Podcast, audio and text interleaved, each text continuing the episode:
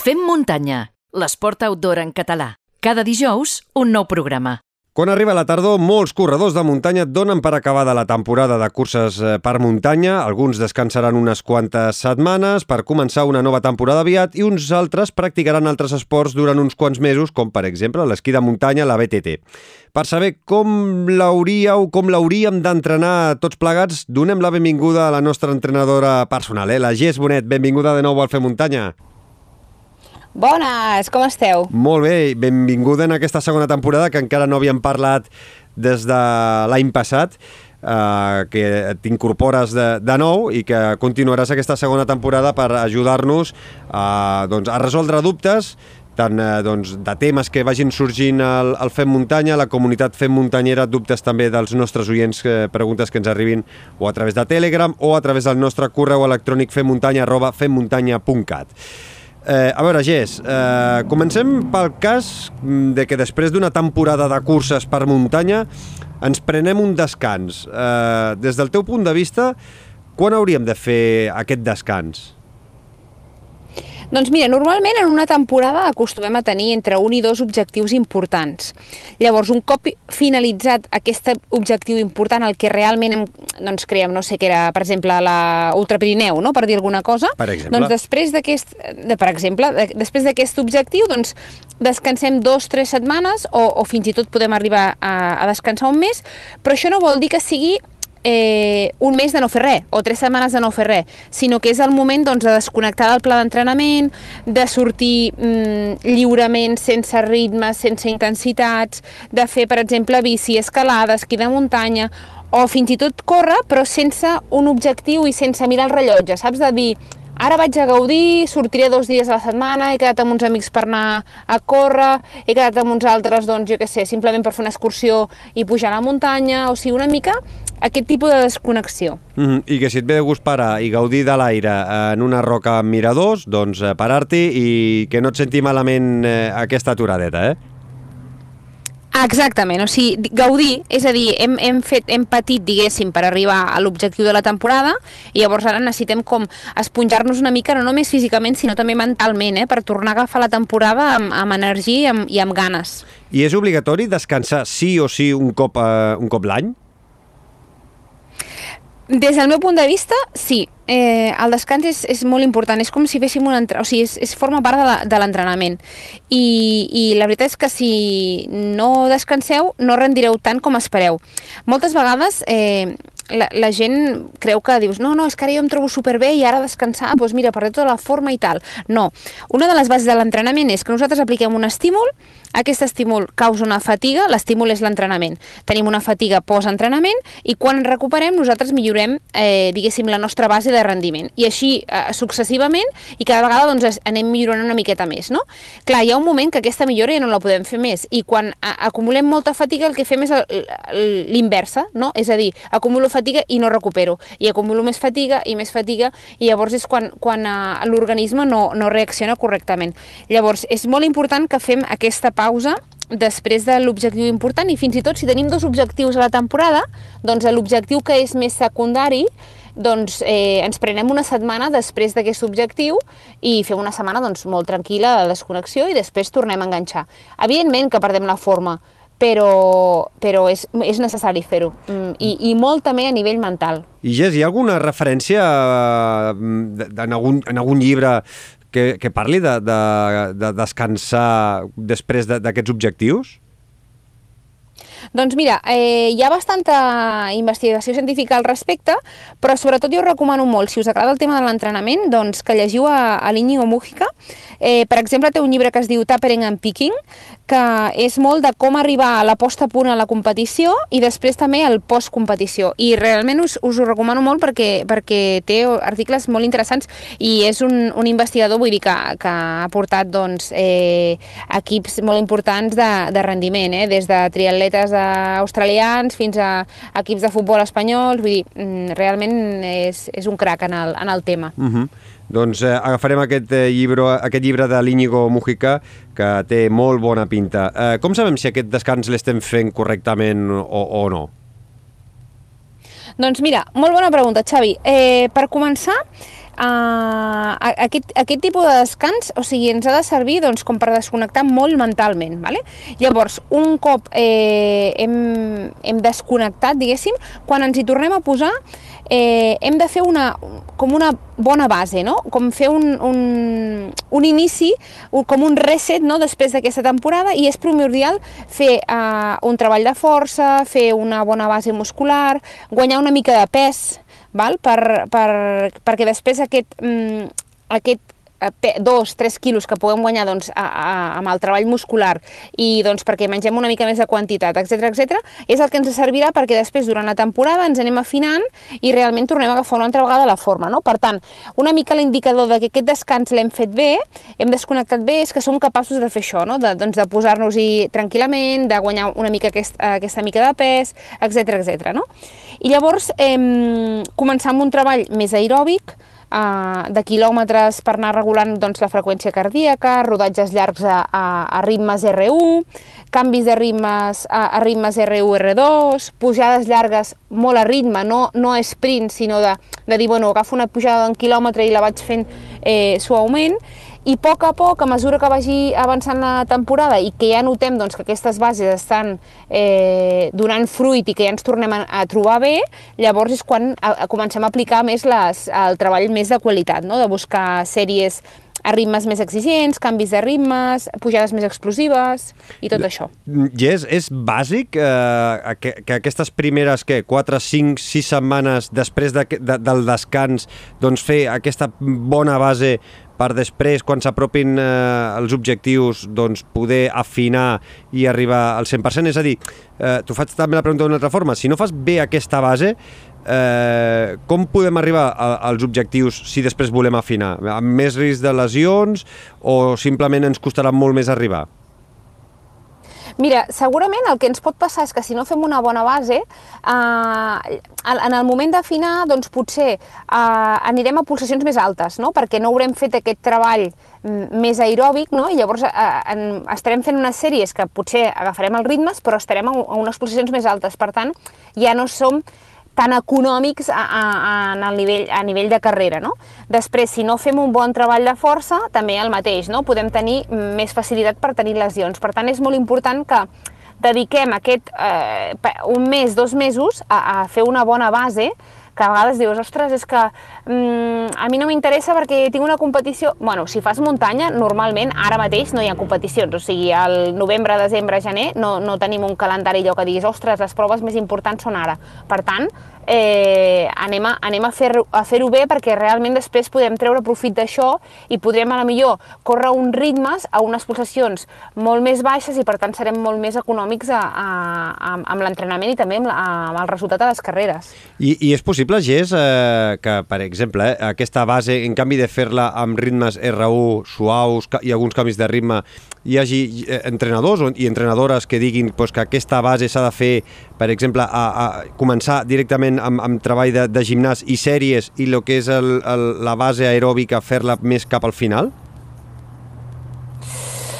Bueno, mm, podria ser, eh? però jo, jo no ho faria així. O sigui, sincerament, eh, per poder fer unes sèries ben... És, mira, imagineu-vos, vaig a posar-vos un exemple, imagineu-vos que uh, se us presenta un, un amic vostre, no?, i vol venir a sortir a córrer amb vosaltres. El, encara que no tingueu ni idea d'entrenament, eh? el primer dia el portareu a fer sèries o el primer dia sortireu a rodar una miqueta per la muntanya? Possiblement el portareu Clari... a rodar una mica per la muntanya, no? Claríssim. La resposta és claríssima. Doncs és el mateix. Mm -hmm. Doncs és el mateix. Si jo començo de, de, de base, diguéssim, he d'ampliar aquesta base. Vinc de fer una, un esforç molt important perquè he preparat a la millor una, una carrera, no? una ultra Pirineu no? de 100 quilòmetres i ara el que necessito és que tots els mesos previs eh, he de desconnectar una mica i per tant començo una altra vegada molt suau perquè m'ho demana el cos i perquè m'ho demana el cap perquè si jo començo directament amb sèries la, la... puc començar en sèries, atenció, eh? Però no amb sèries a un nivell superalt, perquè si no el que passarà és que al meu cap i als 4 mesos estaré fins als nassos de fer les sèries de 10 minuts, eh, els canvis de ritme superràpids, les no sé quantes pujades a tope i baixant a tope, mm, o sigui, una miqueta e, és aquest el, el sentit de, de fer-ho així. Mm -hmm. Jess, des de que comencem a entrenar de nou, quant de temps necessitarem aproximadament eh, per estar mínimament en forma i quan trigarem en estar al mateix nivell que estàvem abans de, del descans. Doncs més o menys això, eh? un, un dos mesos tornem a tenir una, una forma similar a la de final de temporada i llavors és quan aquí li comencem a donar aquests punts d'intensitat i ens comencem a trobar bé. O sigui, normalment mmm, el que determina que ens sentim millor és quan fem aquestes, aquest treball més, més d'intensitat perquè és quan patim més, però dius, ah, ostres, mira, ara ja, ja començo a anar una altra vegada a ritmes que anava al principi, o sigui, quan estava preparant la competició, i, i, i és quan et comences a sentir una altra vegada bé. I això ho dona doncs, aquests, aquests canvis de ritme o aquestes sèries o aquestes pujades amb xispa que fem doncs, això, eh, quan portem un, dos mesos que, que hem arrencat de nou la temporada. Mm -hmm. uh, és un risc molt elevat, o directament potser eh, eh no ens hem d'obsessionar, eh, però eh, ara, quan després del descans comences a fer les sèries i veus que els ritmes són més lents que fa un mes i mig, dos mesos, eh, les, o sigui, no ens hem d'obsessionar per res que els ritmes siguin més lents, no? Vull dir, si, si, si intentem arribar als ritmes que fèiem abans, hi ha un risc de, de lesió. Sí, sí, segurament. És a dir, eh, Eh, no passa res, vull dir, és com, és com ens hem de posar com a la, la idea al cap, és que moltes vegades ens passa, eh, de, jo, jo entreno molta gent que em diu, ostres, però ja segur que, que descanso una setmana. Sí, tu descansa, no preocupis. Igual que quan, mira, ara, ara fa poc ha sigut la Marató de Barcelona, no? I l'última setmana es fa molt poca cosa, no? I la gent et diu, ostres, però segur, segur, perquè a veure si perdré la forma. No, no preocupis, portes quatre mesos entrenant per això, per una setmana que estiguis fent tapering, no perdràs la forma. Doncs és una mica el mateix quan comencem, és a dir, no ens obsessionem en que no anem als mateixos ritmes perquè la gràcia és que a poc a poc vaig agafant la forma i no puc estar tota la temporada a tope de forma sempre he de fer petits pics precisament perquè el meu organisme vagi descansant i també perquè vagi recuperant una mica el, a nivell mental també, perquè si no és molt dur estar tota una temporada entrenant a tope. Ara posaré un cas eh, personal meu, Gés, eh, que, que coneixes eh, molt bé. Eh, bueno, vaig fer tot l'entrenament per la Ultra Pirineu, pel 2-3 d'octubre, eh, havia fet tota la càrrega, tot, havia fet tots els entrenaments, eh, vaig fer tot el tapering dos, tres setmanes prèvies, anar baixant eh, volum, anar pujant intensitat, l'última setmana gairebé doncs, eh, res, rodatges molt suaus, eh, eh, al final no vaig poder doncs, estar a la línia de sortida, no vaig fer l'Ultra Pirineu, i al cap de dues setmanes tenia la mitja, la mitja del Trail del Bisaure i a la setmana següent la mitja de la Marató de, de Sant Llorenç. Uh, doncs la veritat, uh, vaig perdre bastanta forma, diguéssim, segons els números que et marca l'aplicació Sunto, però sí que vaig arribar uh, molt ràpid, molt fresc, a, a totes dues mitges uh, maratons, uh, amb ritmes molt alts, i la veritat és que vaig fer millor temps que anys anteriors a totes dues proves. Vull dir, amb això, amb amb el que vens a dir, no? que la, la forma no la, perds, no la perds, tot i que descansis si la base ja la tens feta anteriorment. Uh... Exacte, exacte. Totalment, totalment. I, i, I fixa't que tu vas fer un tapering per arribar a una cursa que no vas fer i van passar dos, tres setmanes fins que vas poder fer la següent. Per tant, eh, diguéssim que tampoc era la preparació correcta perquè tu no anaves a fer la cursa de les tres setmanes després. I tot i així, eh, fent uns entrenaments, eh, doncs a la millor amb una mica d'intensitat, vas aconseguir mantenir uh mhm. -huh. aquest nivell i arribar, sobretot, fresc, uh -huh. que és mhm. molt important. Així és. Uh, ara anem al cas, Jess, que després de les curses per muntanya ens, ens endissem uh, en altres pràctiques esportives. Uh, ho recomanes? No fer un descans de dos o tres setmanes, canviar l'esport, uh, pot ser esquí de muntanya, esquí de fons, BTT? Totalment, totalment. Eh, per les curses de muntanya, si podeu fer la temporada d'hivern fent esquí de muntanya, eh, esquí de fons, que els dos són un treball fantàstic eh, que implica tot el cos, cames, braços, tronc i el més important, requereix un molt bon treball aeròbic i a més a més el fem en altitud. Per tant, això vol dir que mm, estem fent un treball de benefici pel nostre consum d'oxigen, perquè en aquell moment es veu eh, modificat, o sigui, ens està costant més perquè estem eh, treballant en altitud, però quan després de fer aquest entrenament baixem a, a nivell del mar o fins a 1.000 metres, doncs notarem aquesta millora en el nostre consum d'oxigen. Per tant, és fantàstic fer aquest tipus de treball a l'hivern i també una altra molt bona opció, evidentment, és la BTT, o, o el ciclisme de carretera. I han de canviar tota la planificació d'entrenaments durant aquests mesos que fem altres esports? No, no és necessari. O sigui, ens ho podem prendre de dues maneres. Ens ho podem prendre com a eh, com una compensació, és a dir, eh, vaig a treure un dia de córrer per, per fer un dia d'aquest altre esport perquè estic guanyant en el sentit de no impactar les meves articulacions, però estic treballant igualment de manera cardiovascular i muscular, per tant, perfecte, o l'altra opció és eh, eh, eh, fer-ho com un complement. Val? O sigui, dir, jo normalment entreno 4 dies a la setmana i posaré un, un dia extra per fer aquest tipus d'exercici. Podem fer-ho de les dues maneres i, i no, hi ha, no tenim per què modificar la, la, la planificació. O sigui, podem substituir, per exemple, una tirada llarga per fer un dia una sortida de, d'esquí de muntanya, per exemple. Uh -huh. I ara mm, posem el cas de que acaba la temporada d'hivern, eh, passem a la temporada de, de curses per muntanya. En, en què ens hem de fixar per rendir bé i que no augmenti el risc de lesions? Perquè, clar, no hem fet una aturada de dos, tres setmanes, hem continuat fent esport, eh, un altre esport, però clar, ara tornem a, les curses de, eh, per muntanya. Eh, en què ens hem de fixar? Molt, molt important el treball de força i treball de propiocepció. És a dir, eh, hem de fer un, una, una base muscular aplicada a la carrera. Per exemple, eh, exercicis d'escales, exercicis de multisalts, tant en pujada com en baixada. Val? O sigui, tot, tot aquest tipus d'entrenament de, de, de força ens servirà molt per, per reforçar molt bé les articulacions i per evitar al màxim possible eh, aquesta, aquestes lesions. Eh, us poso un exemple superclar. La força ha de ser molt aplicada, és a dir, jo puc anar al gimnàs i fer un treball muscular, per exemple, de, amb un pres de banca, un pres de cames, eh, extensió de quadríceps, qualsevol cosa d'aquestes, vale, fantàstic. Però després hem de buscar també l'aplicació, que és amb aquests multisalts, amb aquestes escales. Per què? Perquè si jo em poso a fer burpees, que està molt bé, fantàstic, no serveixen per res pels corredors de muntanya. Quina aplicació té un burpee per un corredor de muntanya? Cap ni una. En canvi, si jo et dic, puja les escales i les puges a peu coix o les baixes a peu coix, estàs, tu quan corres només tens un recolzament, oi? Sí, sí. Per tant, estàs treballant aquest tipus de recolzament.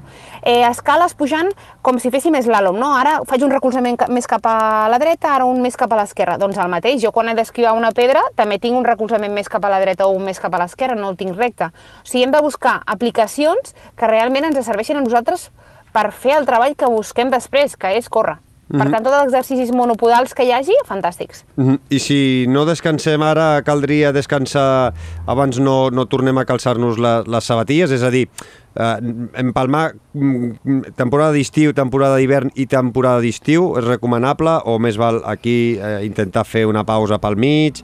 Com, com ho veus? Des del meu punt de vista, recomanable 100% eh, fer, fer un descans, sí, perquè és que realment a vegades eh, diem, no, ostres, que jo l'any passat ho vaig fer així i em va anar de conya, sí, potser un any, dos anys, depèn molt de la teva genètica, de la teva epigenètica, depèn molt d'aquests factors, però és que a la llarga ens passarà factura i si el que voleu realment és fer esport molts anys de la vostra vida, feu així, mm -hmm. perquè si no després realment es veuen borrades i, i hi ha gent que pren mal. Mm -hmm. eh, Jess, mira, eh, com que ja portem una, una estoneta i tampoc és qüestió de que ens quedi una conversa massa, massa llarga i tenim preguntes de, dels nostres oients, eh, la màgia del podcast. Eh, no et moguis aquí durant 15 dies, eh, aguanta'm 15 eh, dies aquí i, i, i, en, i res, en el proper programa eh, li dedicarem uns minuts als dubtes que ens han eh, fet arribar els oients a través del correu electrònic i a través de la comunitat Fem Muntanyera i, i així també eh, crec que entre tots eh, anirem aprenent. Què et sembla? Em sembla fantàstic, Xavi. Mm, doncs... Perfecte. Ens veiem d'aquí a 15 dies. Jo aguanto aquí, eh? Gràcies. Fins ara. Una abraçada. Fins ara. Visita la nostra web femmuntanya.cat